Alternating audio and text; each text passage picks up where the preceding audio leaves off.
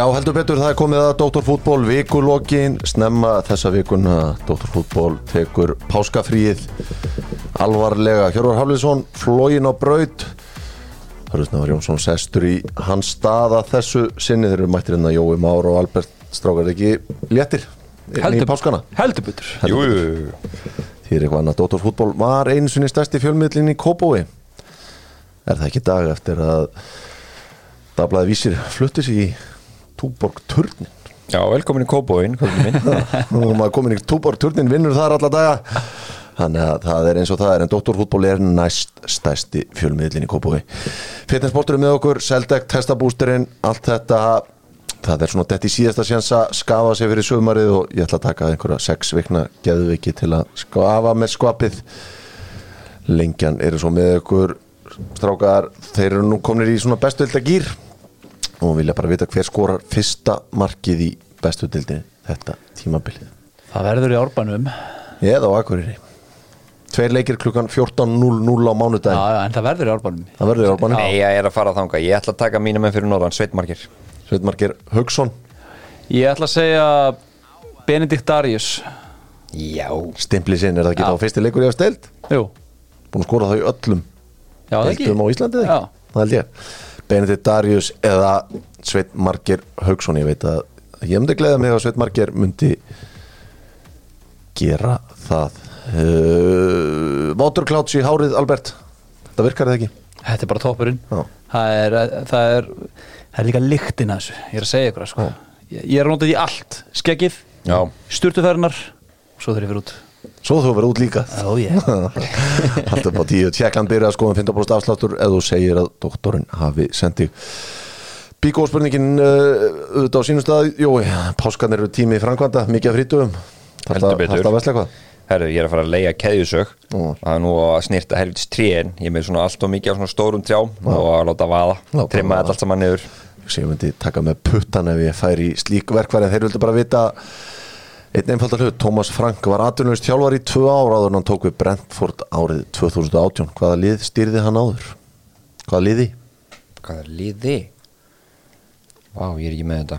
Ég vil segja bara upp á fönni Norrsjöland uh, heitur en ekki rétt.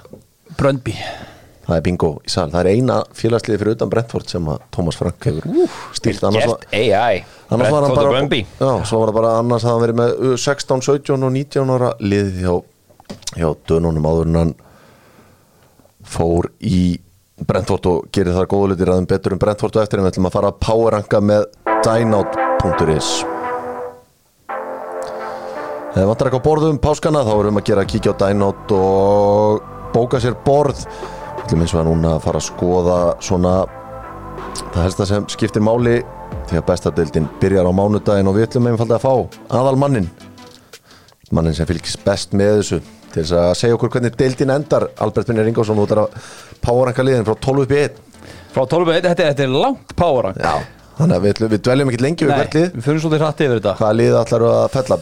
Herri, ég ætla að fella HK Háká, Já, það er gott að nýta tækifæri núna þegar Hjörvar er Já, ég hef enga trú eftir að mista Bruno. Nei, Það er eru í 12. seti, nummer 11 uh, Ég ætla eftir setja, ég ætla að fella Keflæk og heldur að tjó miklar breytingar til að Sigir ekki ráði við þér? Já, algjörlega, og ef Sigur ekki heldum uppi þá, veist, þá á hann bara át og skilið þjálfar ásins Mér er alveg saman hvað vinnumótið þegar hann heldum uppi þá bara er tillin hans í þeimverðum Ég kveitti upp á þetta, sama. Hvað segirðu? Ég kveitti upp á þetta Já, Sama, ég með sömu linnir í. Ég uh, segi fram á fylgir. Já, ég, ég nú annars búin að fylgjast með þínum skrifum Þú varst ykkur í, þú byrjar í dagdrykkin aftur. Ég spáði þessu með, ég, með þér á hana, með portir á stekin í master þá fórum við og fórum að spáði Ég man ekki eftir því. Þú er ekki að taka marka þeirri spá. Ég lustaði bara þig þar, heyrðu. 10 Það eru núið tíu eru fylgismenn. Fylgismenn, er rétt hanga hana. Þeir rétt hanga hana en, en ég er samt sko Þeir fara ekki niður það, það er ekki sjens Ég get alveg séð þetta verður ekki þryggjalega Pallbarð, þetta verður fjaralega Og talið það að þá er liðið frá ofan sem verður í þessum pakka Fram. Fram, sæti Já, ég er svolítið hræðið sko Mikið talað varnarleikin en, en sko Líka bara þeir sem sitja fyrir fram að Já. Veist, Er Albert og, og Aron. Er þeir að fara að kofira þessa vörð? Ég ræðist það. Já, sammála því. Þeir náttúrulega voru bara enigma í fyrra með hvað voru þetta mörg mörg í leikjum þeir þessu 4,5 mörg með allt í leiki eða eitthvað. Já, skori hildina 56 mörg Já, eða eitthvað svo þetta var algjört bíó. Að horfa á þessar leiki með þeim. Þannig að það er svona, þeir þurfa að trilla vörðuna betur, það er rétt að vera Ég er bara á erfitt með að sjá fram skor öll þessi mörg eins og í fyrra.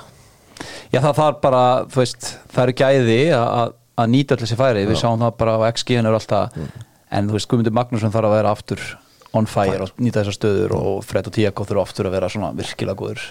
Það þarf allt að ganga upp í sóknarlöfnum líka. Áttunda sæti þá fyrir út á land eða hvað? Áttundasætið þá þurfum við til eiga Ég held að bara, sé búin að sjá tíu spára á IBF er alltaf í áttunda sæti. Já, Já, Já. Ég, ég tek alveg undir það sko. En, en þeir, þeir alltaf herra. Já, já. Sjálfur En þeir eru líka bara tveimur meðslum frá því að sóast í fallbaratu sko. Já, getum við ekki séð Pál Magnússon hendi ykkur smá budget í þetta. Aðeins til að sagða Já, þeim vantar alveg tvo í, þrjá í breytt held ég. Ég er sammála því eh, hérna, Hvar þá? Hvar, hvar vantar þess að kannski þessa breytt Ég held ég, vanti bara Vængina. örugan markaskorara. Bara örug mörk í þessari dild og ég held þú hafur alveg gott að því að kantara og, og miðjumann svo. Já, já, Breki er náttúrulega búin að vera middur og hérna ég sammála því að, að þú veist hann hefur nú ekki sanna mikið eh, hann hefur ekki sanna neitt eða hann Sverri Páll. Nei, þú veist, hann er ekki skorað mikið bara í hvorki BNE aðild Nei og óöppina það í það þannig að hann er en Hjúl hendar- spreyk fyrir það núna. Já, Já, hann vantar, hann og veru bara í allstæðar eitthvað í, í breytinni í þetta lið sko. já, þeir hafa gott að þeir eru sterkir á fyrstu ellu og menn veði á það. Heyrðu númer sjö. Númer sjö er ég með F-fanga Það fangarnir eh, missa af þessu evra playoffi. Já. Þeir vinna fórsöldabyggarinn Já, Þú já. varst að spá þeim því líka hérna fyrir ykkur, ykkur nokkur mánuði síðan. Já, Þú bara, heldur held bara það. rík heldur þína spá. Ég, ég ræði á það, en mér finnst þér sko þá, ef þú spurt mér þá hvort þeir væri nálætti að komast í top 6, þá hefði ég ábúinlega sagt já.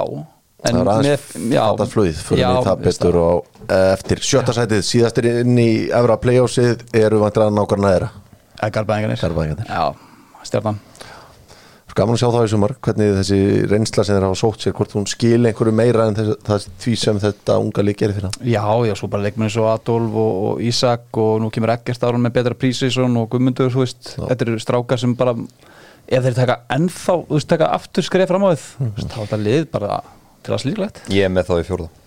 Já, Bara út á Ísak Andrei hann spila var það eitthvað sem ég sagði þér í mannsætti líka? Það var það portið á Steikas Beinmerkurinn var komin á borðið. Þeir eru fymta sætið. Fymtasætti er ég með Káa Já, það er svolítið drop. Það er smá drop en þú veist, það, nú ertu komin í lið bara, þú veist, frá 15 og upp sem að, þú veist, verða bara í held ég sko. Já. sérstaklega þriðja, fjóra og fymta, ég held að.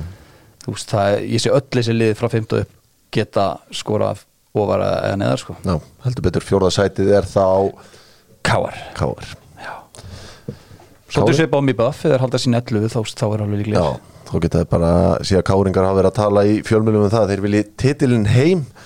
Hvort það gerist í ár er erfitt að segja en þeir eru allavega svona geta alveg blanda sér í eitthvað. Já, já, ég, ég er ekki alveg kannski ekki alveg samfarður þú veist, það þá bara bjartsýnn. gjössalega allt að ganga Já. upp og þessi hinlið eins og breyðabliki fyrir að þú veist, breyðabliki þarf þá að hyggsta vel. Þú veist, dildin þarf að það, þú veist, ég sé það ekki fara nálægt í því mikið rönn og breyðabliki fyrra. Það er þá að vera jafnari dildin ef að káar ætlar að enda upp sér síðar. Ég hafsendastæðan finnst mér ennþá svolítið svona já, hún er það. Þriðja sætið, það er fósfóður neða hlýðarendi hvert fyrir við? Við förum í fósvæðin Fossvogi. Já, sama sett og við fyrra. Já, og hérna og það ekki. pappir með kannski talsveit langar liðin þegar fórun í móti í fyrra engin Kristall, engin Júli Já, og, og Kyle náttúrulega mittur núna. Náttúrulega nýbúin að sæna nýja leikmann sem kannski fyrir betur inn á eftir. Uh, ég veit það ekki það er, ok, ef að, ef að Ari Sigurbáls var búin að vera með allt prísarsunnið þá væri ég kannski aðeins bjartsinni fyrir viki, vikingsmenn en, en ég veit ekki, það, veist, það er mikið verið að treysta núna Árnum Borg og, og Byrninsnær hvor er þeirra hefur sínt eitthvað svona stöðuleika í þessu dild Nei, nei, þeir þurfa 15 pluss mörk frá Nikolai Hansen Við sáum það nú bara ekki að þeir fóru yfir þetta Hjörvar og félagin í gerkvöldi svona hvað hann kom með bara þessar mínútur á móti blíkon það myrtist þetta myndi mann aðeins á 21 Já, Ég er að segja, hann þarf það fórm þá geta þær unnið þetta og farið allar lið en hann Já. þarf að vera pluss 15 ef upp í 20 mörg en mér finnst sko þegar unnið 21, þá voru þeir sko þeir voru aðeins að mixa, þú veist, þessu uppspilið uppspilið, þau spilið alltaf frá markmanni og voru bullandi vesinni að mér fannst. Og mér fannst ekki rétt hjá Arnari Gunnlaugs að það hefði allt verið flott hjá þeim fram að síðasta þriðungi maður stið bara í bölvu vesin með Það uppspil er menn eitt markið kostaði líka bara þeir hirtu boltana bara mjög framalega á síðasta rínunum og skoruð það var ekki markið á gísla. Þannig að tekur þið það? Ég meina, Það, ég, blikarnir voru meira ég direkt. veit alveg, ég talaði nú Arnar Gunnarsson sem viðtalið sem ég byrti í vikunni. Eh, þú- hann var að tala um að kannski þyrftu er að breyta um leikstíl bara út á leikmannhóp Meni, kannski gær- er ekki að fara í þetta uppspil út af að Júli er farin Já, já. að veist, kannski þurfa það pínu að leita aftur í 21 tímabilið þar sem þeir svolítið 21 þegar- tímabilið? þegar það þurfti, þá fóru þeir langt. Já, 21 tímbilið, þá voru þeir í kringum 50% boltan, voru fymta sætið það lið sem var halda mest boltan í fyrra voru þeir yfirbara liðið því svip og árið 2020 þá, þá voru þeir að skipt tímbil. Þannig að mér finnst svona en, en maður skilur það eins og leiknum átti breyðablík þá voru með Djuric þannig að Nikolai var ekki inn á. Þá var kannski uppspilspunktur öðruvísi. Já. annað sætið, annað sætið er ég með Val. Upprisan. Þetta er hvað var ekki sjötta sætið fyrir hann? Jú, sjötta sætið í fyrra. Fimt, já, Já. já, líklega. Já. og bara, já, þetta var alveg framför sem er eiginlega ótrúlegt að þeir að enda í sjötta seti það ungalið stjórnumanna hafi verið að ná betri áragur þeirri dildinni þetta er náttúrulega bara, þú veist, hvað töpuðu fjórum að sjöstu fimm í þessu úrstakefni fyrra, þeir voru þeir bara hættir. Og voru hættir. Og þú veist, Já, þeir tapa fjórum af fimm í playoffinu sko. Leið, hefði fjóruða Evrópusæti verið í bóði fyrra? Það er gaman að sjá hvað Valur hefði gert. Já. en það sem maður hefur áhyggjum með val farið bara yfir hverja geta spilað fremsta mannana Aron, Tryggvi, Patrik Aron Tryggvi Patrik. Andri Rúnar. Og Andri Gunnarsson. Hvað er Enginn af allir þeim- samiðlegt í vetur? Enginn þeirra getur spila 90 mínútur á mánu Nei, þeir eru allir búin að vera meittir eiga við Veikir. meðstasöðu og hann líka spilaði sko Tryggvar fram með í þessum leikum út í Káa uh, Já. og sem sagt byrjaði með hann þar hann fekk, fekk hann ekki 60 mínútur. Jú, eitthvað svo Já, þú veist, mér fætti eins og leikum út í Káa það eina sem virkaði að val var hægri vængunni þar. Það voru að tengja ágætlega Birkir Mára Adamæður líka Adamæður er einu maður sem spila 90 af þessum front, hvað fór hjá þeim hann er að hérna líka, spurning á miðunni Hlynur Karls er að spila djúpan í þessu leik. Mér Haukaból- er búin að vera frábær Já, mér, ég, segi, mér finnst hann góður en að Haukaból kemur inn á hann fyrir hafsendin Já. en ég sammálaði, hann, er hann lítur vel út en, svona það er, þetta er engin ofbóðslega breytt þar. En, en þetta er sama, við getum satt að nákvæmlega sama með vörnina. Holma fyrir út af meitrin ára Elvar er náttúrulega bara að koma tilbaka þegar meðsli bæði í út og í þessu leik þá fær hann greinlega eitthvað svona krampa og orður er að stíða upp með að en samt sem öður Annars Valur, sæti annað sæti. Það var gæðin í það og þá er það bara titillin aftur í Kópa sör Samfaraði, samfaraði þig enn meira í gæra móti vikinni, vikingum já, varst þið mjög flottir í gerð sérstaklega í fyrirháleik þú veistu svona stíga aðeins af bensingjöðin í setnáleik kannski skiljanlega. Og svo en ég, ég veit ekki, ég held að Ágúst bara muni fitta hana vel inn, ég held að muni ná mjög góður leiknum. Já, ég held að muni ná að aga svona hans, hans leikstíl eins og hann gerði við dag. Og Patrik veist, maður bara ríkla spenntu fyrir sumurinn í honum, bara, bara góður hópur og Eru einhverja fórsöndu fyrir því að blikar stingi ekki aftur af og rullu þessu mót upp fyrir hérna í playoffið? Eins og við vorum búin að gera. Eru einhverja fórsöndu fyrir því? Það er eitthvað forsötu fyrir því en það er bara, það er ótrúlegt hvað mindsetið eitthvað með fokast upp þegar þú ert að verja titil sko. Það er bara eitthvað sem gerist þegar þú stýrur á völlin það er eins og finnir hvað allir vilja vinna þig og þú veist, þú ert eitthvað með ég veit að þú ert eitthvað með ennþá smá í sér að vímur bara að ná sem markmiði. Mm Við vorum að fara yfir náttúrulega núna liðin og þú veitum að vikingarnir eru mögulega eins og sagði með veikari hóp. Valur eitthvað spurningamerki nokkru stöðum ekki heill svona, þú veist helstu leikmenn fram á við. Káa búin að missa nökkva En Þeir eru ekki búin að stækka hópin sin Ég veit að það eru Ísækja farin og En það er Dagur samt ennþá spurningamerki- Geðu ekki leikmenn komin í staðinn sko. En það er samt spurningamerki hvort þú veist, spurningamerki á blikum er það ná þessir gæjar sem kom inn að fylla skarðið hjá tveimur af þremur bestu leikmönlins á síðustu leiti manni finnst að Patrik nái að fylla Ísak. Klárlega. Ma- maður er líður þannig. Já, já, en þú veist já, svona dagi. Það er spurning hvernig kemur hann tilbaka? Hann er að koma tilbaka með Íslum.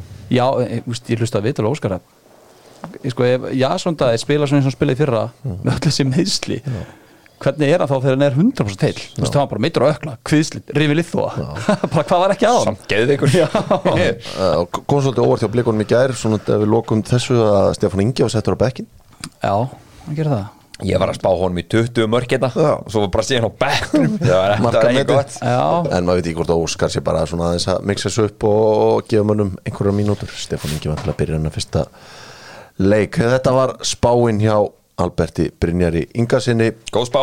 Þetta byrjar alltaf á mánudaginn. Við ætlum að fara í stóru málin með einari á. Þið þekki þetta allt saman. Wonder Vibes og allt það í Kópavóinum landslýs þjálfara málin hafa verið í brennidepli undarfarna undarfarna daga undarfarna viku frá því Arnan Þó Viðarsson var rekin og það verið sem svo Ívar Ingemannsson leiði hópin leiði hjörðina í átti því að nýjum þjálfara. Það var nefnt hér í vikunni að Steve Koppel nafn hans bara á góma og ég get bara sagt frá því að Steve, nafn Steve Koppel hefur komið úr munni Ívars Ingemannssonar við starfsfólk KSI, hann hefur nefnt hann á nafn fyndi hvernig þetta er bara löngu áður en að Arnar Þó Viðarsson var rekin hann að þetta var engin tilviljun að doktorinn laumaði þessu út. Lauma þessu út. En sko sjáu hvað fólk fer alltaf í það sem það þekkir. Já. öryggið. Já, já. það er bara hérna, hann þjálaði mig hjá Redding. Hann er, hann er geggjaður. Já. hann er, já, það, það er býsna áhugavert nafn. Renn ekki öll, samt svona ef við förum í það bara öll vötn, renna til útlanda. Mér, mér sýnist það bara með að það er engin íslensku þjálfari búin að það er ekki búin að heyra í neinum íslensku þjálfara? Nei. það er búið að heyri rúna ekstinsinni það er þannig, ég held það. Þú heldur það er allir að ljúga? Ég þú ert í þessu alla daga það veit engin ekkert. meira um þetta Nei, þú veist, ég bara heyrði það að hann er með þess að fengi símtala áður en Arnar var rekin ok, já, ok. Já, hvort það sé 100% satt veit ég ekki en það er allavega sagan. Ég Mm. reynda að ringi rúnar hann einhverjum degið tveimur eftir að Arnar svaraði hann tók nú ekki upp síma þá allavega. En það er sem er áhugavert með Rúnar að hann er eini í svona þessum þjálfurum, þú veist ég hlust á viðtaluna í dag við Arnar Gretarsson og hann sagðist bara já að bara melda þessu útrússu að það væri til bóða sama hafa Arnar gert og, og Óskar. hérna Óskar. Þannig að þeir sem eru svona, þeir hafa svona einhvern veginn en Rúnar hefur ekki gert þetta. Hann hefur ekki melda þessu. Útrússu ef hann væri ekki til í þetta væri hann þá ekki búin að taka ég veit að ég er ekki eini fjölmiðlega Nei. maður sem hefur ringt í hann fleiri og er hann búin er að búin að ringja svara þér höfðu minn og hann er búin að segja að ég er ekki klár. Já já, ég get alveg jú, jú, ég get alveg séð að vera lendingin í þessu. Og Norsarinn bara takki við. Já, manni finnst það svona einhvern veginn allan sem er heyrt að Rúnar svona hann er alveg skoðað að hætta. Já, hann hefur svona dreigið sér tilbaka á æfingarsvæðinu já. Þannig að ég veit ekki hvort að það, það er allir mjög ánægð með Úli, úli matin já, Já, það var bara verið ferski vindar en hvort þetta af þessu verði veit ég ekki en öll vött samt að renna einhvern veginn í það hvort að svo snýst þetta var til um budget þú veist hvað eigum við, hvað getum við gert? Ykkur önnur nöfn komið fyrir utan kópili Nei, það er bara eitthvað sem að, það er nafn sem að Ívar nefndi held ég bara Já, já. við eitthvað starfsmann kási fyrir mörgum mánuðum hvort að hann sé einhver uh, eitthvað á blaði núna veit ég ekki, hann þjálfaði síðast í Indlandi árið 2019 67 ára gamall hefur svo sem ekki verið inn einu alvöru starfi í fótboltanum í að verða hefur ekki bara segjað 13 ár þegar hann var með Bristol City þannig að ég veit svo sem ekki hversu on point Steve Koppel er í þessu í dag en Ívar Ingimarsson virðist leiða þetta. Hann hefur verið í sambandi við umbósmenn og beðið um að kanna markaðinn þannig að það verður fróðilegt að sjá. Meina, hvað, hvað á er, er, þið spenntu fyrir er þið spenntu fyrir þeirra áraningu Steve Koppel, Já. ekki sjá þú Nei, sko, það er bara svolítið svona Mike Bassett ráningu ég skal viðkynna það að ég hafði ekkert verið að rýna hann sérstaklega vel en gæinn hefur ekki unni í alvöru gigi 13 ár. Þá varum við ansi mikið að dusta ríki af einhverjum sko. Já, en það það er svo erfitt að ræða svona við erum að tala svona erlendan þjálfara. Svo veit maður ekkert hvað í því fælst nefnir er það eitthvað sko eins og þú segir eitthvað sem gæði sem er ekki að alveg gigi í meirinn áratug? Eða eitthvað sem er bara opaslega money. current Já. skilur mig. Þannig að maður þarf svolítið að fá einhvern veginn nöfnin til að geta meti hvað manni finnst. En, en já maður bara hlaka til að heyra hvað kemur upp úr grafsinu. Hvað á KFC að gefa sér langa tíma? Má ég sjá. Hvað, það er núna byrjun apríl. Segja fyrir apríl-lok viljum vera konni með þjálfar í brúnum? Gæði sem að hefur þá mæmánuð til þess að ég myndi halda Skoða það allt sé og- ég myndi halda það sé svona bara já, þeir eru komin í svona í red zone. Þeir eru farin eitthvað inn í mæ, sammála því? Held sem bara nokkuð skarplega Já. aðtúað ég meina hvað þarftu í langa tíma sem þjálfari í landsliði þú veist, ég meina það er ekki allt þú færði ekkert hópin hvort þið er í henduna Nei, það er kannski þetta, það tala nú ekki um að það er erlendu þjálfar hann komi hér og sé einhverja vikur einfallega bara að kynna sér þá púlju sem hann hefur í bóði já, skoða síðustu 15 landsleiki. Já, hann verður þessi, þessi erlendi þjálfari hver sem það kann að vera ef hann verður. Já. hann mun treysta mjög mikið aðstofmanni sinn sem vandalega verður þá Jóhannes Karl í þessum fyrsta glugga. Líklegt. Upp á bara hver, hver er hvað. En þetta er er frólitt að sjá í hvað á vegferð þetta fer en það verið sem vera loft, reikurinn og lögadölum er sá að Ívar Ingimarsson leiðir hópin hefur sett mikið agareglum hjá landsliðsnefndinu og spurning hvort hann fari eftir þeim öllum sjáum til. Heyrðu, við ætlum að vinda okkur hingað, við ætlum að fara í Akró. And it's live. Akró appið og það er live því ef þið eru að uh, leika komið þau.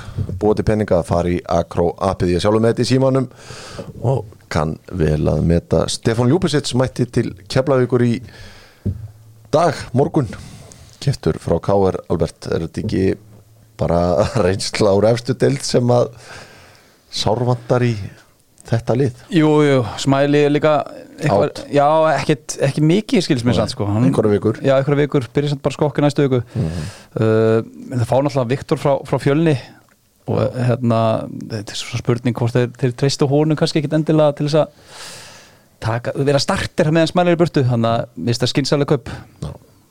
Og finnst það kemur það bara mannskap. Já, hann, minna, jó, hann leita ágætlega út þessa, þessa spretti sem hann tók með Kári fyrra.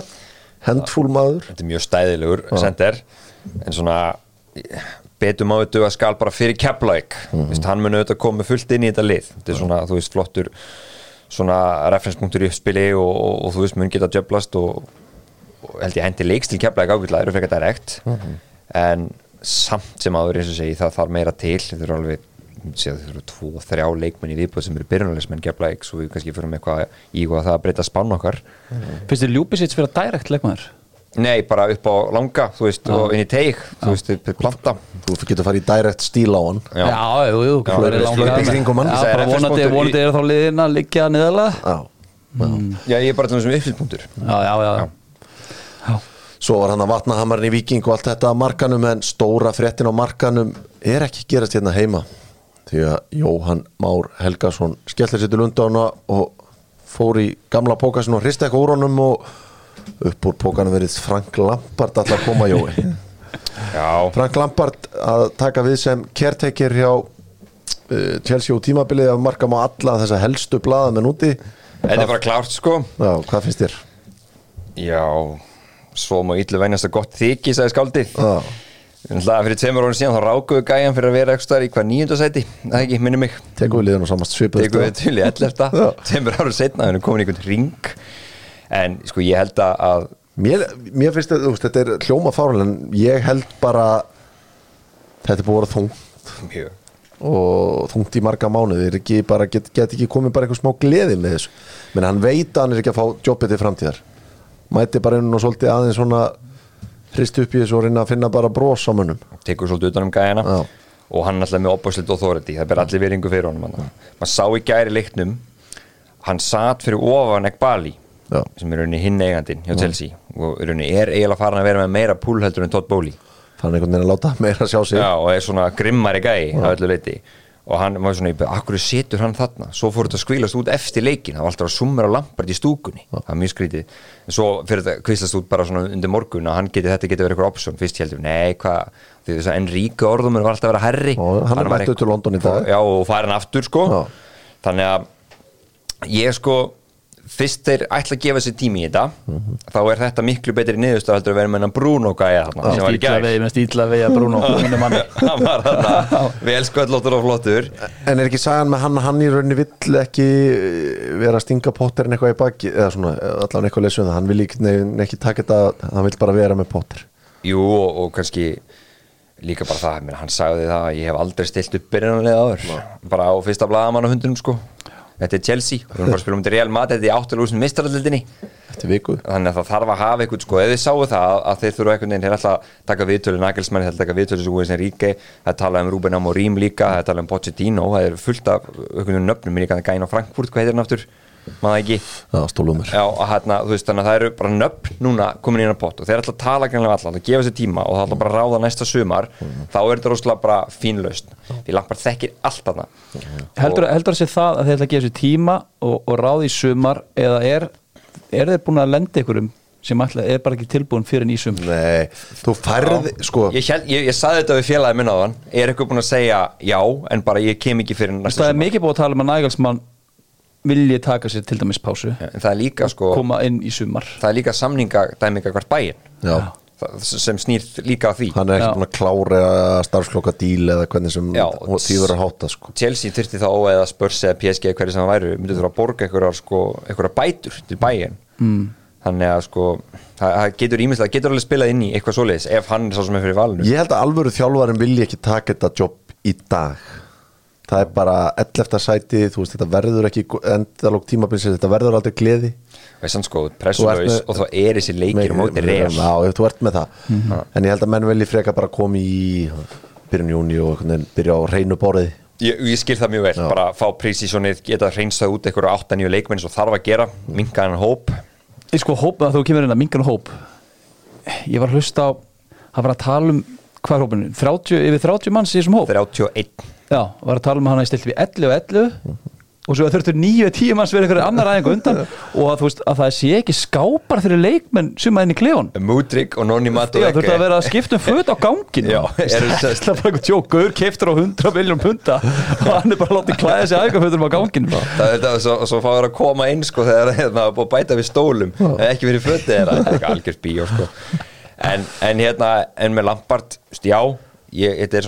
eitthvað já þessi Bruno var engin maður í þetta. Nei, nei. maður getur ekki látið hend honum mútið Carlo Ancelotti sko, það er bara verið vesen.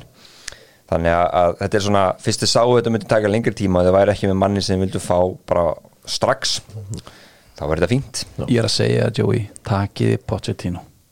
Bots, hann er inn í mixinu. Já. Hann er inn í mixinu. Hvort er Chelsea uh, vinna núna klúpur eða byggja upp? Vinna núna Já, ég er að tala um, þú veist, stef, kaupstefna núna í janúar og er búin að vera meira svona byggja upp Já, já. stefna. Ég, ég Veistu, held svona að eitthvað með in, in, in between. Það sem hefur og svo ráðningin þarf að vera svolítið þess eðlis. það sem hefur svona lekið út af hérna í bæði frá Luis Enrique og Nagelsmann sem vilja stóra frontránin þetta í þessu. Þeir vilja stóra keppast um þetta. Að þeir eru báðir svona það er, sko, hvernig er orða á ennsku svona in love with the project. Segja þú veist að herri, þetta er svona við erum tilbúin að byggja þetta framtíður margir ungir og spennandi leikmenn og svona já líta á þetta sem nokkra ára vinnu til að geta að fara að skáka liðum eins og sitt í menn eins og menn átti sig á því að það gerist ekki strax á næsta tímanbili líklega. Þannig að en Pochettino hann er samt bara sko það er ekkert opastlegt vinnir svæp yfir honum. Það er bara þannig. Þú veist hann meiri þess að hálf svona fór skakk lappandi út úr þessu PSG ekki Já, já. tapaði þar hann á móti hvað var að Lill í, í, Ligue 1 sem á ekki að vera hægt.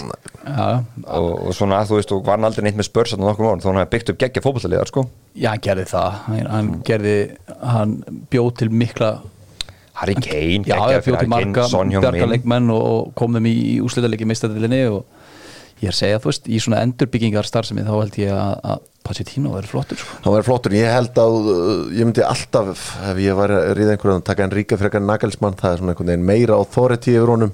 Sammála því. Hann er bara einhvern veginn meira presence. Það er eitthvað í þessum Nagelsmann gæja þó hann sé frábæð þjálfur, það er eitthvað svona það kemur eitthvað væp frá honum sem er svona, þú veist, ok, þú, ef þú ert með alvöru gæja í klefanum hjá þér eins og hann var með hjá bæinn það Já, ég, svo sammálaður, ég er hrættur við hann að mörguleiti, en Ríkir maður var að skoða, þú veist, þetta Barcelona sem var með þarna í þrjú ár, hann var nýju titla þarna Champions League einu sinni, með 76% vinnisöldöld, það voru eitthvað 182 leikir, og hann var með 76% vinnreit sem er náttúrulega bara eitthvað rugl. Ég heldur að Nagelsmann hafa reynda sem er 77% hjá bæinn Já, það, já, einmitt það, það er, það er hérna helviti vel gert. Þessari í þessari þýsku deild en, en að samanskapi, hann, hann var með betra hlutvöld heldur en Pep Já. hjá Barca, hann, hann Luis Enrique. Við svona alltaf geggjali, þannig hann getur líka að höndla stjórnstundur Messi, Neymar og Suárez hann með þá. Það ég er mjög spenntur fyrir honum en, en það verður sem verður, en Lampard er mættur áttur Lamps er komin heim þá ætlum við að vinda okkur hingað í nei, við ætlum að fara hingað. Við ætlum að fara í íslenska boltan með kjarnafæði heldur betur fantasileikurinn fer í lofti í fyrramálið hjá bestuildinni, kíkja á það einhverjir smá samskipta örðuleikar á nettjónum í dag en þetta fer allt í loftið í kvöld Hörðu, hver er must buy fyrir menn? Leikmenn, Dr. Húbáls hver, hver er must buy í bestu dildinni sumar? Ég veit það ekki alveg, ég er ekki búin að skoða þetta. Patrik, Frábært. Patrik Blikum. Takk fyrir þetta, Patrik Jóhannesson. Patrik Blikum. Patrik Jóhannesson, Ég loggaði mér nefnilega inn á þetta í dag. Þá voru við skagamennir inni. Það klikkaði eitthvað ég- svo Nei og líka sko, það var bara gamla liðið mitt. Já. Ég skildi ekki neitt. Ég held að ég þurfti eitthvað að uppdata á eittin og nokkru mínútur mér að laffara þetta. Við ekki förum í neitt deild, auðvitað sjá Já, við deild. Já, já Albert Brynjar ætti að vinna okkur þar. Já, já, já, já. Það er eiginlega hnyggsli Albert og vinnur ekki með svona tölvurum yfirbyrðum. Ákveðlega, Blaðamaður hérna Íþróttafréttamaður. Við erum sérst í, fyrir þá sem ekki vita það erum við sem að stundum eruðum í þessum þætti í Premier League deild og þar er Albert Brynjar Ingarsson og neðstur.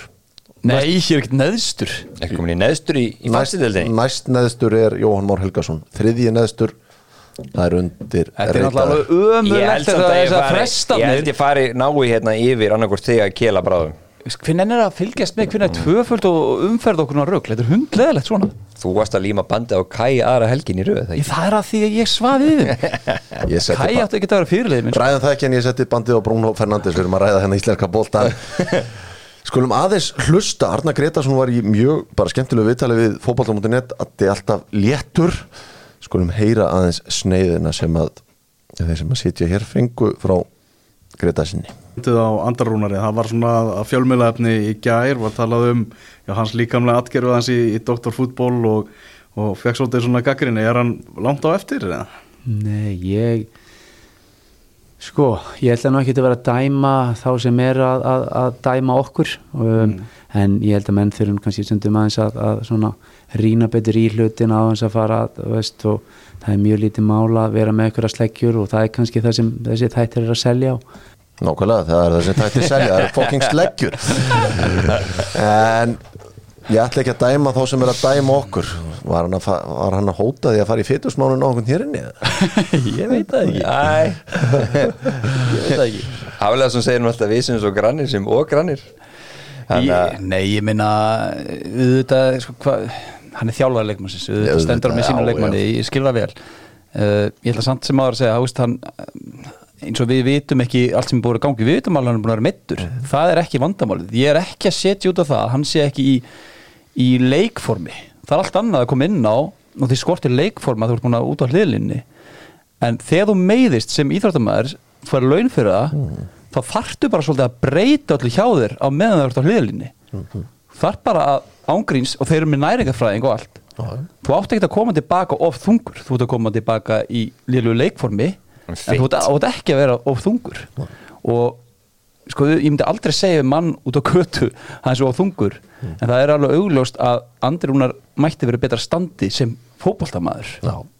og ég get ekki, ég, neita trú á því Arnar Gretarsson myndi segja eitthvað annað eldur að myndi vilja að Andri Rúnar væri meira fitt það er bara þannig. Og mér finnst það bara láma standard að þegar þú ert út á hlilinni þá borðar ekki að mikið, þú getur ekki leiftir sömur hluti og þú ert að æfa sexin við viku. Og þarf bara að passa upp á þetta allt á meðan þú ert middur Já. Ég meina allir sem horfðu á leikin á sunnudaginn já, þeir sáu að líkamlegt atgerfi eins og með notuðu. Ég meina, segjum hlutina bara eins og þau verða. Það var eins og stuppusundan var að springa á honum sko. Þú veist, það var bara þungur og, og þú veist, þetta er bara leiðilegt sko að því að sáum alveg í, í fyrir með IPVF þegar hann var loksins komin í gott stand. Já. það bara geði þetta að horfa á hann spila. Hann var einn besti sendirinn til þinni Já, og það var pínlegt að horfa á hann spila fyrsta leikina með IPVF Já. og því miður þá var bara svolítið stiga sem IPVF í uppæði móts í fyrra eftir því, treystu svolítið á mikið á hann. Hann var svolítið uppspilspunktur og allt spili gegn, gegn leikmann sem var bara ekki í standi. Og maður svona hafði á tilfengunni og hvernig hann tala út af þegar hann fyrir val að hann ætla að gera þetta almöru já. ég veit hann er ópen meðsli en þá komið inn á þættin sem ég var nefn á hann hafði það þá bara í lagi. Mm. komið tilbaka, fitt en þeir skortið leikform. Það er kannski bara til að bæta við þetta að svarið hans Arnars eða held aðeins áfram þá fór hann yfir það hvernig þið væri að manager hann. Og, og hérna það er greinlega mikið verið að gera til þess að ná honum í þetta stand þannig að hann, hann í rauninni segir að hann er ekki nokkuð standi og hann hefur áhyggjur af því að þessu vöðvatáknarnir eru rössunum á mikið út af þessu stóru mikil skrokkur og allt þetta þannig að hérna, en það, það duldist engum að, að hann gæti verið í betra standi þegar hann kom inn á hann- hann Tala hann ekki líka um að, þú veist hann var ekki í hlaupastandi, hann var búin að lifta þungt og svona? Þannig að hann hefur komið tilbaka til vals að þá hafði hann ekki verið, í, ekki. ekki verið í hlaupastandi. Nei, og hann var stór og sterkur og hægt og rólega þurfti að byggja hann upp og það er auðvitað bara rétt hjá hann Andri Rúnar Bjarnason. Þeir eru að því, Já, klálega. Þú kannan að sjá hvað, hvað hann gerir á hlýðarandi þannig komin í toppstand uh, meira val kannski það að Hólmar Eyjólfsson verðist verið í kappiðu tíman fyrir fyrsta leik eins og við nefndum áðan. Það væri áfallir valsara að hann væri ekki með. Og það er svona helst að frétta valsmennu valsmenn eitthvað að skoða markaðinu þetta að er ekkert að fara í felum með það. Þeir eru þunn skipaðir þó sterkir síu það hópurinn er ekkert breyður kannski á miðunni, hann talaði um að Kristoffer Jónsson í þessu sama viðtali að að þeir eru hérna bara að býða eftir ákvörum Venetia, varandi hann. Kaupan eða ekki. Um, hann væntalega þá fyrir Línufreyr hefur verið að kofra djúpa miðumannin þannig að þá væntalega setur hann haugbál í hafsendinni ef, ef hérna Hólmar er ekki klárið fyrsta leik sem væri mikið áfall, hann segja eins og er. Já, þannig að hérna en já, ég held að Valur hefði alveg gott að ég að fá einn miðjumann í uppbútinni mixið. Ég saman því. Heldur betur, það verður svo byrjað að bera svona tíðindi af því að það er byrjað að, frest, að færa leiki í annar umferinni við erum strax fannir í það að grasliðin er í klandri, ég held að það var ekki K.A. og IPVF að viksla á heimaleik Jú, uh, Keflavík er búið að færa leikin sinn í annar umferð á gerfigrassi við höllina. Þannig að það máli búast í því svona í fyrstu umferðunum að þetta verður svolítið þetta segir sig eiginlega sjálft. Já. við erum að byrja heldur snemma, við erum að byrja um páska þannig að já, við skulum ekki láta um koma okkur neitt óvart að þetta segja raungera svona, vellin eru bara ekki klárir sama hversu öflugið vallastöru eru.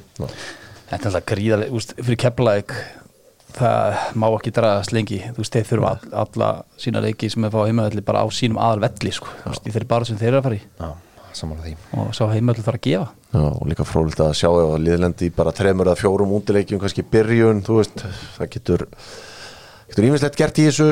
Uh, já, það er svona tæmdir þar, við verðum aftur hérna á mánudaginn og hittum upp fyrir þessa fyrstu umferð sem hefst þá. En minnum kannski á uppbytun og þáttunni á ykkur á morgun Albert Stöttu Sport 2015 en það er, það eru farið ítalið við málinn í beinni útsendingu þar? Heldur betur, maður búast við hann allir komnir í páskafríi og það verður búast við lungum og góðum þetta heldur betur. Minnið að stillin á það. Við ætlum eins og að núna að fara í söguna með sjófá tryggingarnar. Allt þetta munið að skoða þær allar en svona kannski í tilefna því að Alexander Mitrovic var dæmdur í áttalegja banni vikunni og enska knaspinu sambandið ætlar að áfreyja því reyndar. Er ekki ánæða með sin eigin domstól þeir vilja þingra bann. En lengsta bann í sögu enska fótboltans hann var Enoch West sem var árið 1915 dæmdur í bann fyrir veðmálasvindl á samt fjórum leikmönnum Master United og fjórum leikmönnum Liverpool. Allir hinnir sjö leikmennir, þeir snýr aftur gegn því. Veistu því hvernig þeir afplánuðu sína refsingu? Er með það? Þeir tóku þátt í fyrstu heimsturöldinni Já, veit það grjótart en Enokinn var ekki til í að taka þá refsingu og var látið inn sitt út í kuldanum og banninu var aflétt slettum 30 árum síðar. Hann var sérst endur í 30 ára bann fyrir að taka þátt í því að hagraða úslitum en hinn fóru bara í stríð og þá var sagan búin. Hvað vekk kantóna eftir lampan, munið það? Það ekki ykkur sko þetta var Nú ykkur mánuðum bara. Já, longest bands in football hvernig var þetta aftur? Sko, Erik Cantona fekk nýju mánuði. Nýju mánuði, já, einmitt. Já, Mítró, við vorum á vellinum. Hann prjónaði alveg all hressilega yfir sig. Ja, það var eina skemmtilega á þessum leika eiginlega. Þú veist, fúla voru nú bara betri fram að því. Já, að en fyrir okkur United mennum það svona skemmtilegast á þessum leik. Fyrir utan auðvitað Sigurum góða það er, já, þetta er Erik Cantona nýju mánuðir, Mark Bosnitz nýju mánuðir, Ríó Ferdinand átta mánuðir og aðeirir minna, Mútu 7 Kolo Tóri 6 en það er bara einn maður sem trónir á toppnu og verður sennilega aldrei toppar, er nokkuð vest árið 1915, demdur í 30 enda á verið í 30 ár í banni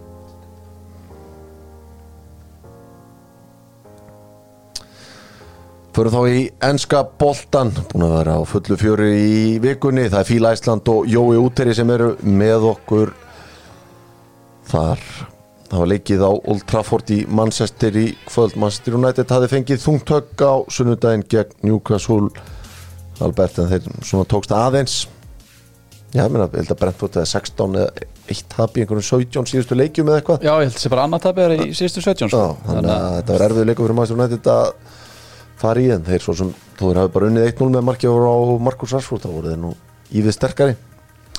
Já, ég er sammála því og hérna Já, þú veist Jú, jú, þeir stýrðu þessu leik alveg. Brentford voru ekkert að reyna fyrir hann kannski í stífu framar kannski á 60 stu og svo kortur fyrir leik þá fór hann aðeins að taka á öttur hann held samt allan tíman í fimmanna línuna en hann fækkaði miðunni og setti fór hann við 5-2-3 hann í lokin þá svona kom svona aðeins þú veist, færinu voru ekki mikil það var þá kannski mest bara til Gea sem bjóð til eitt færi fyrirháleik og svo í setnáleik líka. Þegar hann sparkaði hann í upphæðu setni maður. Já, eða vilja sjá svipin á einhverjum þá.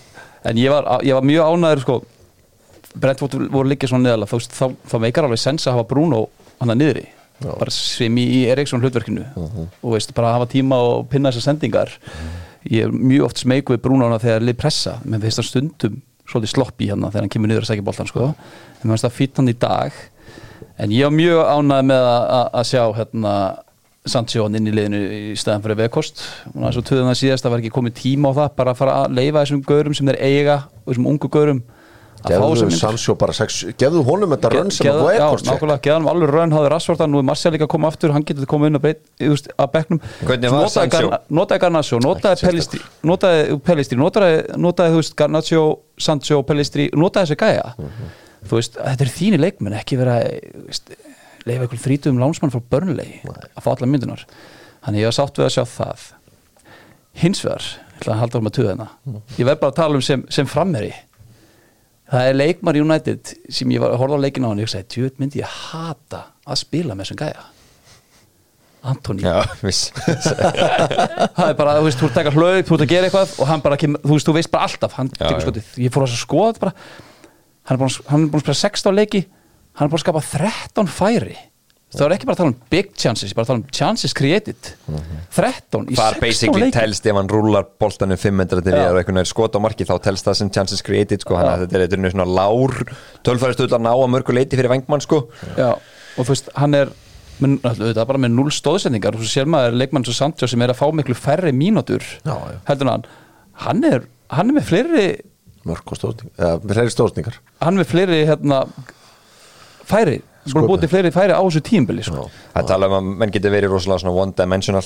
Og það er bara skilgrinningin á Antoni kallirum svo þessi gæja, ef hann ætlar að meika í United og verða í rauninni svona bara alvöru leikmaður fyrir klub, þá þarf hann að bæta fleiri vopnabúrið sitt. Já, þarf að- þarf að fara það er bara þetta skot sem hann á.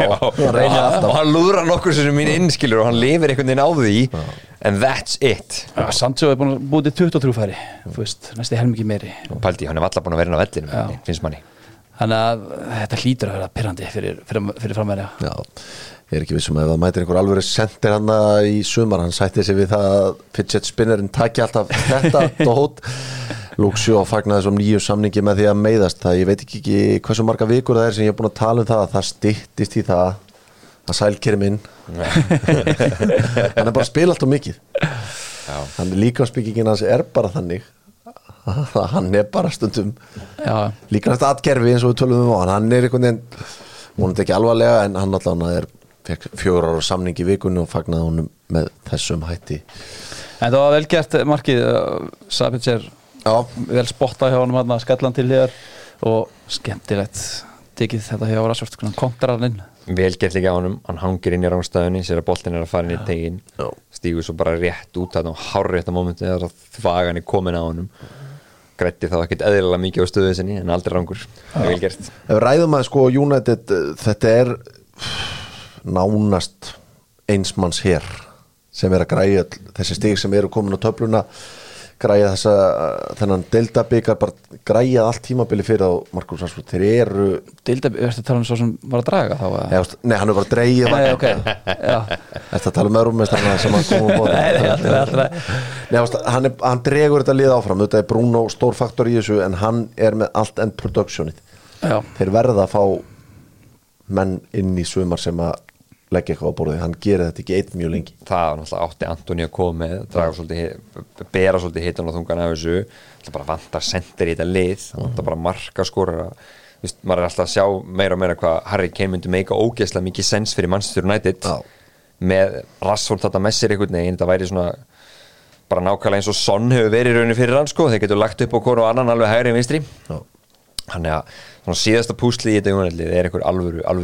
að Ég sem er Harry Kane eða hvernig Rassvort komið 15 mörg á þessu típil í deildinni. Og næsti fyrir neðan hann er bara Bruno. Já. með, með, með 5 þannig að til þess að taka þetta næsta skref í ykkur alvöru titilbáratu og þurfa fleiri menn að koma að mörgum Menni, þeir eru búin að skora 42 mörg það er bara, þú veist uh, Brentford er búin að skora meira.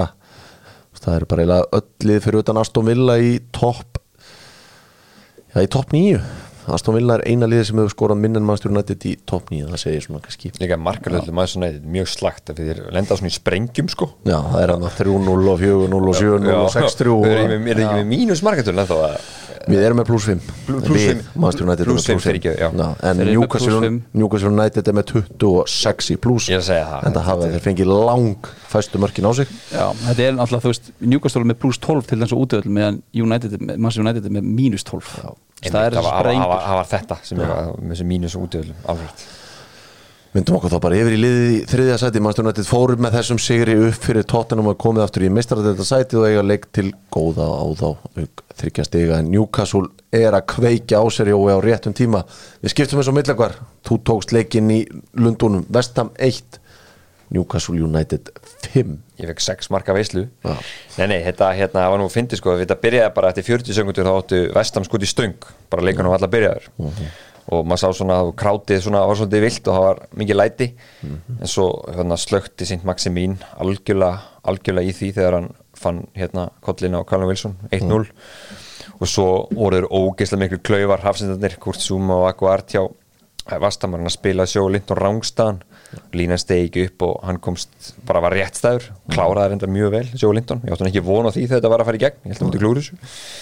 Uh, en svo náðu þeir hérna, vestam samt sem aður þeir hérna, þeir voru alveg ágætið um ágætis respons, mm -hmm. setnipartina fyrir áleik og, hann hérna Jarrod Bowen fann Kurt Zuma sem sjálf sem frá Nick Pope Já, í hérna markinu en svo í setni hálfleik þá hrundi leikur vestam algjörlega, hann eftir bara nokkra sekundar gamall þá fyrir sér Aguart sem var svo geggjað með Morocco. Mm. skelvileg mistök tíni boltanum. Uh, Jacob Murphy kennist þeim fyrir og finnur Callum Wilson sem bara rúlar hann með eitt markið. Þá bara hrundi leikur vestam, var þeir bara hættir. Svo hérna í, þú veist Fabianski gefur mark sem Alexander Isak skora sem er fymta markið.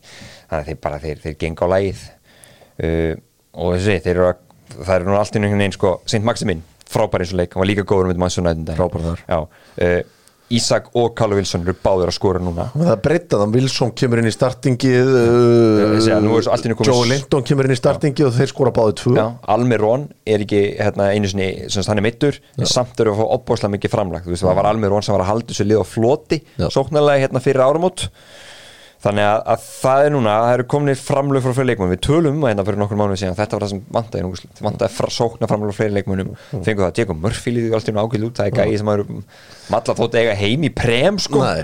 það er alltaf eitthvað að gerast þar. Svo ætlum bara Brúmund Gimar er svo ógeðslega góður alltaf á miðunni Já. Já, og þegar þessi öftustu fjóra, fjórir eru allir með þá er þetta drullu stertlið Þeir eru búin að finna taktina þurr Hvað sjáu þið með þessa topp fjóra baratu núna eru bæði United og Newcastle þremastöfum og undan tóttanliðinu eiga þennan leik til góða bæðilið er topp fjórir að shape us upp eða eru við er eitthvað eftir? Eftir að Liverpool ákveða að tjekka sér bara eiginlega út. Þetta jafnteflið svona endalega að tjekka þú Já, og, og hérna það er fyrir svo annar stórleikur um helgina já, þeim, en, en þeir geta svona eru orðið tíu stigum á eftir þessu. Ég er að segja, ma- manni finnst eins og þeir geta ekki náðu þessu þá, þegar við vorum að tala um að þeir geti komið tilbaka þá var svona njúkustula hyggsta. Já. Spurs eru bara svo eitthvað, tómir eitthvað. Þjálfara lausir, alls lausir Hversu fúlt heldur að sé verið í tóttinam og þú ert að við losnum við Antoni, Antonio Conti til leiðilugum að er þetta fúlt aðstofum hann að teku við hann er örugglega jafn leiðilegur sko hann, hann er búin að þóla kallinn. hann er búin að þóla já. Conti öll þessi ár þannig að hann lítur að vera álíka svona mikill röflar og töðari sko. Ég hef bara búin að fylgja konti og þú veist, ábygglega bara með eiginlega nákvæmlega sömu Hugmyndir. hugmyndir. kannski ekki alveg að erfur á hlilinni en, en þess þá held ég held þessi nokkuð verra bara að þú veist, að hafa svona gæja sem er ekki með alveg sama authority en sem áherslur þú veist, við sjáum það með Potter, við tölum um daginn alltaf þessi tilviljun að Potter vinna alltaf XG bara en ekki leikina sjálfa ég held að hann vant þetta authority. Til þess að þú stundu þurfa leikmenn svolítið að vera hrættir í þig til þess að kveikja aðeins með ekstra fókus. Það var það sem kom sér í ljós með þess að líka þeir fannst hann ekki vera að garga náðu mikið á Já, en hérna, ég held að, já, bara þú veist Tottenham er svo ósafarandi og, og Liverpool ég, ég held að þetta sé bara hvað, tve, tveim, þreim vikum tölum við Liverpool en núna held ég Já. United og, og Newcastle klára þetta. Mér finnst sko jafn líklegt strókar, að Brighton blandi sér í þetta. Og, og, og Spurs. Hvað er Brighton langt eftir? Brighton er Þeir eru þeir, þeir eru fjórum eftir Tottenham, sjö eftir United, United, þeir leikin á United og Newcastle og tvo á, á Tottenham. Já, ég er að segja, það er bara leikið til sko, þú veist, mér finnst það jafn líklegt. Og eiga um helgina er það ekki rétt hjá mér? Ég er ekki leika á móti Tottenham um helgina. Tottenham á hérna, Tottenham Brighton á lögadaginn klón 2 Tottenham ánefnilega sko Newcastle, United og Liverpool eftir. Að það verður Ég held að þetta endi bara svona. Þetta klárast ekki starf þar hjá þeim. Já, þetta er Kemur og, Newcastle og segja þetta, þetta verið seipið. Lastu greinina í dag, Jó, en við förum að skoða helgina um svona það sem að var í gangi hjá Graham Potter, ég held að við erum á Daily Mail í dag, þar sem þeir voru að uh, tala um hann, þeir kolluðu hann Harry. Harry, fyrir aftan svona, behind his back. Já, Þeir líka sögða bara eins og var að segja að það bara stundum var einhvern veginn hérna liðið að standa þessi bísna illa eins og við verið mikið af upp á síkasti og kom inn í háluleik og liðið var að spila umulega illa og, og þá var hann bara einhvern veginn að þetta gekk ekki alveg nægilega vel. Mm. og þegar þeir voru bara herðu bara látt okkur heyra það hérna. Já. skilur þú veist, bara það var eins og sumir eru bara þannig, en það er svona svo fyndi höndi og það ekki sjálfur þinni stjætt sko, það lekur allt út núna. Já, já. Það bara sko, maður veit svona ekki alveg hvað er satt og hvað er logið í þessu en, en þetta var greinlega orðið ansið þungt hjá kallinum, hann í lokin. hann var kallaði bæði, bæði Harry og Hogwarts af leikmannum Chelsea þegar hann heyrði ekki til. Ég töldi hann vera jámann sagði bara já við öllu. Verðist líka svolítið hafa fallið fá sínum svona principles í þjálfun svona, sín, svona síni stefnu. Og það ég get rosalega mikið tekjandi það vegna þess að ég sá aldrei bara neinn svona einhver rosalega fingrafur Hugsaðu hvað það hefði verið gott nickname ef það hefði verið gengið vel. Já, Harry Potter Galdramaðurinn. Galdramaðurinn Harry það hafði alveg verið þannig. Það var náttúrulega alltaf að vera að grínast þetta þannig gekk vel hjá Brighton eitthvað, you're a wizard Graham. Það var alltaf brandarinn sko. Nei nei en hann fekk 13 miljón punta exit. Potti fjölskyldan hefur það ansi gott. Núna, hann var líka gæta bara sagt nei við næsta, næsta starfstilbúi Djöfull mér í til í 13 miljóna exit hvað eru 2 miljardar Já, ég, ég fær ekki úr sófónu sko. þetta eru tveir hjartar ég myndi aldrei vinna aftur. Það var hann að það var nú reyndar að þú nefnir það stærstu starfsloka samlingarnir því Chelsea minn eru nú þeir eru svona góðu ykkar menn. Hefur ekki örgulega bara eigum við ekki topp þrjá eða eitthvað hvernig var þetta aftur, man ekki hvernig þetta var. Sá þetta í gæri einhvern tímann en það var alltaf Antonio Conte efstur af tíu stærstu starfsloka samlingum sögunar á að sjálfsögðu Hósi Morinni og þrjá að þeim. Hann kann að semja svo portugalski já, hann að það var einhvers staðar sem ég sá þetta í gæri En hann tekur alltaf næstu vinnu AI Hann móri kallinn. Já, hann elskar leikinn. Já, Antonio Conte ást hans stærsta 26,6 miljónir punta. Jose Mourinho frá United 19,6 Mourinho frá Chelsea 18 miljónir punta. Laurent Blanc 17 frá PSG Mourinho 16 frá Tottenham. Þannig erum við búin að taka þrjá Mourinho díl á topp 5 Nuno Espirito Santo fekk svo 14 frá Tottenham. Skolari tæpa 14 frá Chelsea. Er Thomas sko Tuchel- sko. Já, Thomas Tuchel 13 frá Chelsea og þeir eru búin að henda 26 M punta í tvo stjóra. Á einu sísoni og borguðu 21 miljón punta fyrir Graham Potter. Þetta er ótrúlegt maður. 47 miljónir punta í þjálfara á þessu tímabölu Skil kannski að menn, tími ekki að henda einhverjum einhverjum, einhverjum, einhverjum auður í bæi núna en en að þú Ég held að fjármálastjóri myndi bara að fá áfall. Þú vilt vera, þú vilt vera viss hvað ferði núna það er, það er ekki að gamla neitt. Heyrðu straka, skoðum aðeins helgina. Þetta bera á lögutags mótni byrjar þetta með látum Master United tekur á móti Everton. Sean Dice er búin að gera Everton að liði sem erfitt er að vinna. Þetta verður áskorun fyrir að bara brjóta á niður það er, þú veist, þú þarft að brjóta og það er Líka voru að spila í kvöld hérna Já, í United. Þannig að það er stutt á milli og það er alltaf búið líka mikið, mi- mikið leiki álag Þannig að þú veist þessi helstu menn sem við erum að tala um að Rashford Bruno Þeir þurfa alltaf til að vera Það er svo lítið annað sem kemur frá öðrum leikmönnum. Við að hvort það kvildi í kvöld en hann er ferskur. Luke Sjón alltaf væntalega ekki með þannig að kannski dreifur eitthvað aðeins líka en ég sé samt ekkert annað United sigur sko þó að það, það er fighting spirit í, í Evertón, klárt, klárt mál. Já, já, þeir eru með gói og, og hún annað eru náttúrulega öflugur hann að miðsvæðinu. Munu sakna Dokure já, það er náttúrulega svolítið skellur sko. þetta, þetta er svo veist í þessu systemi hjá DICE eru þessi þrýr bara lang mikilvægstu mennirnir, sko. mikilvægir. orka bara. Já, orkan er þeim en alltaf engin kassi mér á þetta verður, þú veist, eins og kemur nú það er erfitt að vinna dæsaran sko. Búin að gera það þó hann hafi fá spila spila fram á við. Aston Villa Nottingham Forest geti svo verið síðasti naglinn í kistu. Steve Cooper hann fekk stuðniseyfirlýsingu eigandans í kvöld. Grikking Geðu í hendi út kossinn. en sagði samt sem ára að úslitin yrðu að fara að koma. Þau koma ekki þarna. Þetta er bara langlélæðasta liði í, í hérna, dildinu útvöldi Já. sko skora 5 mörg í 14 leikjum fá sig 34 á meðan Aston Villa er bara eftir Arsenal og mann sitt í heitasta liði í dildinu eftir að Unai kom. Já, Aston, ég, ég er Aston með, Villa er með 44 stík já, þeir eru bara, bara mjög góðir. Og ég er með Forrest niðri núna. Sko síðustu 6 leikjum Aston Villa er búin að vinna 5 greitt jættibli Já. þannig að þetta verður, ég held að þetta verður easy win. Á uh, svona maður skoðar ekki nema Æjúf hit, hita töfluna þá er bara Arsenal sem eru heitar en Aston Villa þessa stundina. Bandi á Watkins, AI maður hefði betur gert það í þessum umferð. Þá var ég að vakna. Heyrðu, Brentford og Newcastle, það verður áhafruð leikur. Mér bæðilega að spila í kvöld. Það, Newcastle ætlar að vera eftir í London. Já, þeir ætla bara að vera þar bara. Já, Skiljanlega, þetta er bara sniðut já, En já, Brentford mjög góður heima. Þetta verður, ég get alveg þessi jafntefli í þessu leik. Ég get alveg sér rauð spjaldi í þessu leik. Það eru ykkur tólklætið hana Við myndumst kannski ekki á það áðan og kannski er það búið að gerast en Vestam heimsækir fúlam á lögadaginn Ég er ekki hissa ef að Vestam er með nýjan þjálfara þar. Já, kannski fór ekki en þetta var, þetta var hræðileg framist að þeir voru sko allir áhörendur farnir af vestamsteitinum, heimaðallinum og þeir örfáðu sem eftir voru, voru bara púa.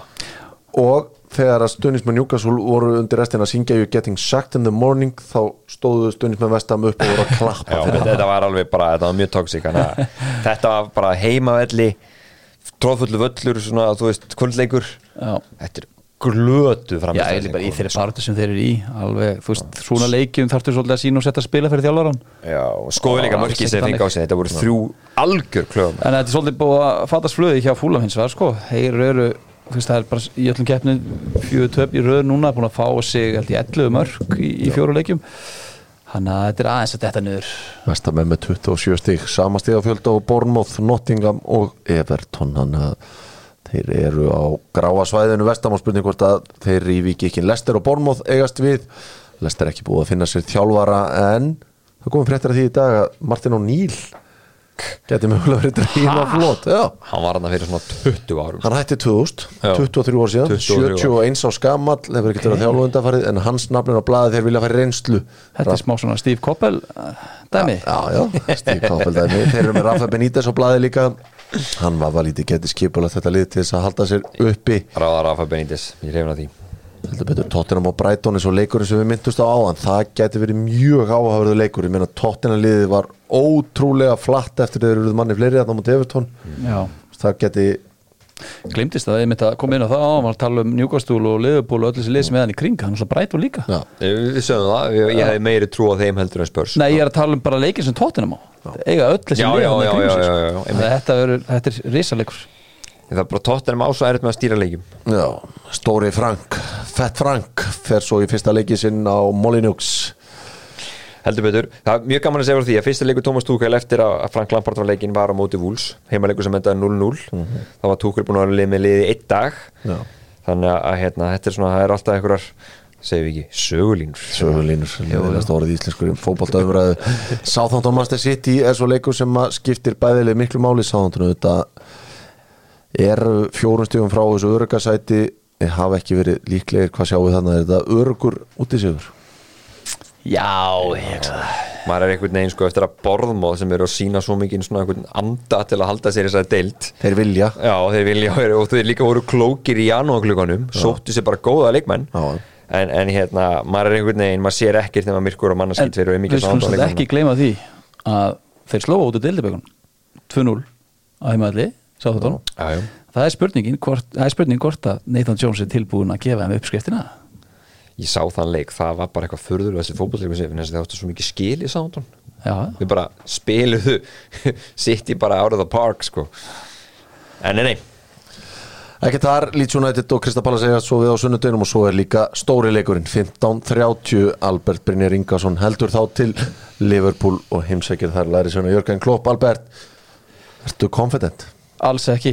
Er ég, þetta, eitt, að- þetta er svona eitt af tveimur stóru prófunum ykkar eða? ég held alveg öruglega að Arsenal hafi ekki unnið bara á Anfield bara í ykkur tíu ár. Það var alltaf verið mjög lélegir þetta líka bara. Já. og þú veist, við erum búin að sjá marga nýja liður á þessu Arsenal liði á þessu tímuli hvernig þið bánsa tilbaka eftir tableiki og, og raun og veru í þessu stórleiki bara búin fínir. Ég er nú vilja fara að sjá nýtt andlit á þessum velli. Þú veist, það er að tala um nýja hlið á Arsenal. Þú veist Hvað er þetta sjá? Bara dört í Arsenal Nei, ég er bara að tala um bara, bara, já, bara að tala um sigur takk, ég er bara að tala um það bara framistuðu, bara þú veist Leopold hefur verið að búlja Arsenal á Anfield síðust ár, sko, síðan þetta lítur að vera tækifæri til þess að taka þetta liðupúli þar sem að Kloppi byrjar að hrist upp í liðinu. Þeir voru slagir á móti Chelsea Það var ömulegt legupúlið sem stiltum út í Chelsea. Já, Bara hörmunga legupúlið Já, já, þeir, Ömurlegir á móti City er ekki tækifæri núna fyrir ykkur ef þið ætlið einhvern tímann að gera eitthvað berið á hana jú, jú, það er greinlegt hvaða leik kloppar hættari við. En er Van Dijk klár? Verður verður hann með? Arsenal-leikinn. Hann nú bara, bara eitthvað veikur Ég, ég er að segja, hann- kemur þú öruglega inn í þetta. með Sala líka. uh, þegar hann kemur inn og Sala kemur inn og veist, þetta verður miklu sterkara á Robertson, Robertson kemur inn. Segð mér, segð þú mér, með Arsenal Front 3, já, hver er verða frá trí? já, þessum leik. Ég, Martinelli og Saka. Já, ég held það. Það er Verður erfitt verður samt að stóðsendinga taka- kongurinn bara geimtur á bekknum aftur? Þetta síður bara styrk liðsins. Hvað er komið rosalega gott lið? Og eh, kaup Janamannans segja flestir. Trossart en ég held bara því miður að þetta, þetta- er bara þetta- fjóri virkilega heitir og góðir leikmenn og ykkur þarf þetta út og ég held að verði trossart og ég menn í þessum leik þá gætur ímyndað er einhver tíman í leiknum þurru Arsenal aðeins að kannski að fara tilbaka og þá er þjást, er það leita þjást? Men þá nákvæmlega ertu með hraðan í, þessum tremur Já, svona meira og direkt leikmenn sést- heldur um trossart sérstaklega, Anfield úst, og vanalega eru nú með hátt upp með línuna sína sko. þannig að En ef það er einhver tíman sen svo að vinna þetta blessa legupúli þá er það núna ég er sammála því, þú veist, við erum með toppartur við erum búin að sína nýtt nýja hliður á okkur sem tíðanbili og nú vil ég sjá það áframhaldandi á þessum velli því að liðið, guð með góður hvað skulda framvegstu Anfield. Já, það verður frólikt að sjá stór helgi í enska boltanum þessa helgina, svona minnumst á það hérna áður við vindum okkur í síðasta liðin að er klassikór fór fram í kvöld spænski byggarinn, þar sem að Karim Benzema mætti á núkamp og hendi í þrennu. 4-0 sigur hjá Real Madrid samt er sko Barcelona með einhverjar 20 stíðan annars fórskota Já, ég kíkti á þetta sko, hann hérna hristi nú, hann hristi rosalega mikið við vörðinni Kristensen var ekki í vörðinni hjá, Barcelona? hjá Barcelona og hann var með Alonso í hafsend Já, að hafa hort á örgulega 200 leiki með Alonso þá bara fatta ég hvernig það gengur upp en það er hann að mál. Uh, hérna, en já, þetta kom á óvart og sko, Angelotti hann, hann er hann, hann vaknar alltaf mest á vorin sko. Já, ég sá það einmitt að apríl og Ancelotti er að vakna það er eitthvað að það gerast er, veist, og þeir eins og segir, það er ekkert gaman að þú fara að mæta þeim í Champions League núna sko. þeir, þeir eru einhvern veginn svona mótirður sig alveg í tætli núna þegar það er að mestu skiptir en þeir er náttúrulega bara að tapa sér að deild. Já, en, en allir takk ekki bara þeir eru kontendurar í Champions League og taka þennan byggar ég held þessi svona, ég held þessi alveg nett sama um deildinni í ár. Er það? já, Þeim er samt Barcelona. Nei, nei, kannski komum smá svona það reits út í þessum leik. Bara svona minna á að við erum samt trullu þú veist, við erum miklu betri því en en ég held samt skrít, skrítið spáirinn sko að þú veist, það er bara að tala um Angelotti ég er bara að fara eftir þetta tímabil. Já, Er hann ekki, er hann ekki öll, uh, það er einhver ástæða fyrir að Brasli er ekki búið að ráða þjálfara já, ég meina það er bara búið að hálfpartin gefið þetta út og hún er standið starfið til bóða hann er búinn að viðkynna já, hann er búinn að viðkynna símtalið. Það er þetta mjög cool ráning finnst mér, hún segi alveg svo er. Heldur betur til að slá botnin í þetta í kvöld allir við að fara hingað. Óhó, ég fæ ekki ofta að spila El Grande. El Grandi er með kemi.is þið þekkið þetta. Kemi.is hvað ætlum við að fá okkur þar þessa helgina. Endur skýrsborðin, það er sóttrinsefnið bílabónið, keramik, það verður fínt að nýta páskana í það. Að bóna djúðustrusluna en þetta skiptið ætlum við að spila El Grandi og við ætlum að sjálfsögða að hafa svolítið bestu delta þeim í þessu. Það eru bara menn sem hafa tekið gullskóin í efstu deild á Íslandi allt frá árinu 1983 Já, sem Þar er ég ekki djúpur maður. Til ásins þú 2020 sendirinn sjálfur? Já, ég, já, erðu. En við lefum Jóa að byrja þetta sem hann er með núlleiki efstild Nökkvi. Nokkuð þeir Þórisson, check. Tryggvi Guðmunds. Tryggvi Guðmundsson er check. Arnar Gunn Láksin Arnar Gunnlaugsson þegar hann kom heim og skoraði öll þessi mörk. 1995 check. Og 1992 Andri Rúnar Andri Rún Bjarnason 2017 19 mörg, einn af þessum ámarka metið fellur metið í sumar. Þóruður Guðjónsson. Þórður Guðjónsson árið 1993 með 19 stykki. Alli Viðar Björnsson. Atli Viðar Björnsson segir hann 2013 13 stykki. Tryggvi Guðmundsson. Það var komið Nei, guldspjald eða setna guldspjald á. Nei! Jó, ég gef honum Guðmundur guð. Þórðarsson Ha? Guðmundur Þórðarsson Guðmundur Torfason segir maðurinn árið 1986 var það Guðmundur Torfason sem að löt guldskóin Ingi Björn Albersson árið 1983 með 14 mörg fyrir val. Takk fyrir. Patrik Pedersen. Patrik Pedersen á sjálfsögðu eitt skó 2015 13 mörg Stífi Lennon. Stephen Lennon árið 2020 er það ekki eini skórunars held ég þegar að mótið var flautað Já. af og hann var á 17 mörgum var að fara í meti Já, alveg rétt, hann var að fara að klára metið þá. Ef þú, ef þú tekur með að við spilaði leiki á tímabilið þá er held ég hann með markameti Já. Guðmi Ben? Nei, jú. Hann er búin að kasta inn. Já, ég maður kannski það er búið. Hann á ekki guld sko. Nei. Komdu Benditsson á engan guldskó Þú tókst ekki Nikolai Hansen? Nei, ég tók ekki Nico Háglöðskapur Ég bara Herri, ég var ágættur í þessu? Það var uh, Gary Martin, við vorum ekki með hann. Nei, býttu, býttu, þú átti eftir að koma sko. þetta er eftir að koma. Garðajó Gilsem Bangondo. Já, Björgólfur ekki. Stengurmur Heitin. Jóhannesson tók guldskóin hann tók 98 og 99 Já, já, Gunnar Eðar Þorvaldsson 2003 og 2004 Er Maður, einhver með átjánmörk er eitthvað með átjónmörk spyr einhver þangað? Einu marki frá að jafna metið. Var eitthvað svona Manna Lennon var það með 17 það er engin með átjón Hver var marka hús 2012, var það ekki allir guðna? 2012 Alli Gunnarsson Herru, ég er bara Þú ágættur í ert bara Guðm- fítn í þessu. Þú að spila eitthvað lélega í þessu. Æsla, ég var að býja þrjum til ekki peningundir. Það er gaman að fá Andra Sigþórsson með 16 mörk árið 2000 Hjörtu Hjartarsson 2001 hvað eru fleiri enna? Hörður Magnússon Ah, hann er 89, kröfunni með 90 og svo er það. Gummi Ben aldrei nála þessu. Það var lél gískamur Hann var svona meiri í stottarunum Já, var, hann lista var sem ég eitt er típul var hann mjög heitur svo mittist hann. Með Já. Það er svolítið Því miður var Já, svolítið það saga var hans Þetta var bara þannig, páskarnir er að ganga í garð sem er auðvitað heilustund fyrir okkur kirkjunar menn maður verður í messu meira og minna alla helgina en við verðum aftur hér á mánudegin bara Guð blessi heimilið, takk fyrir mig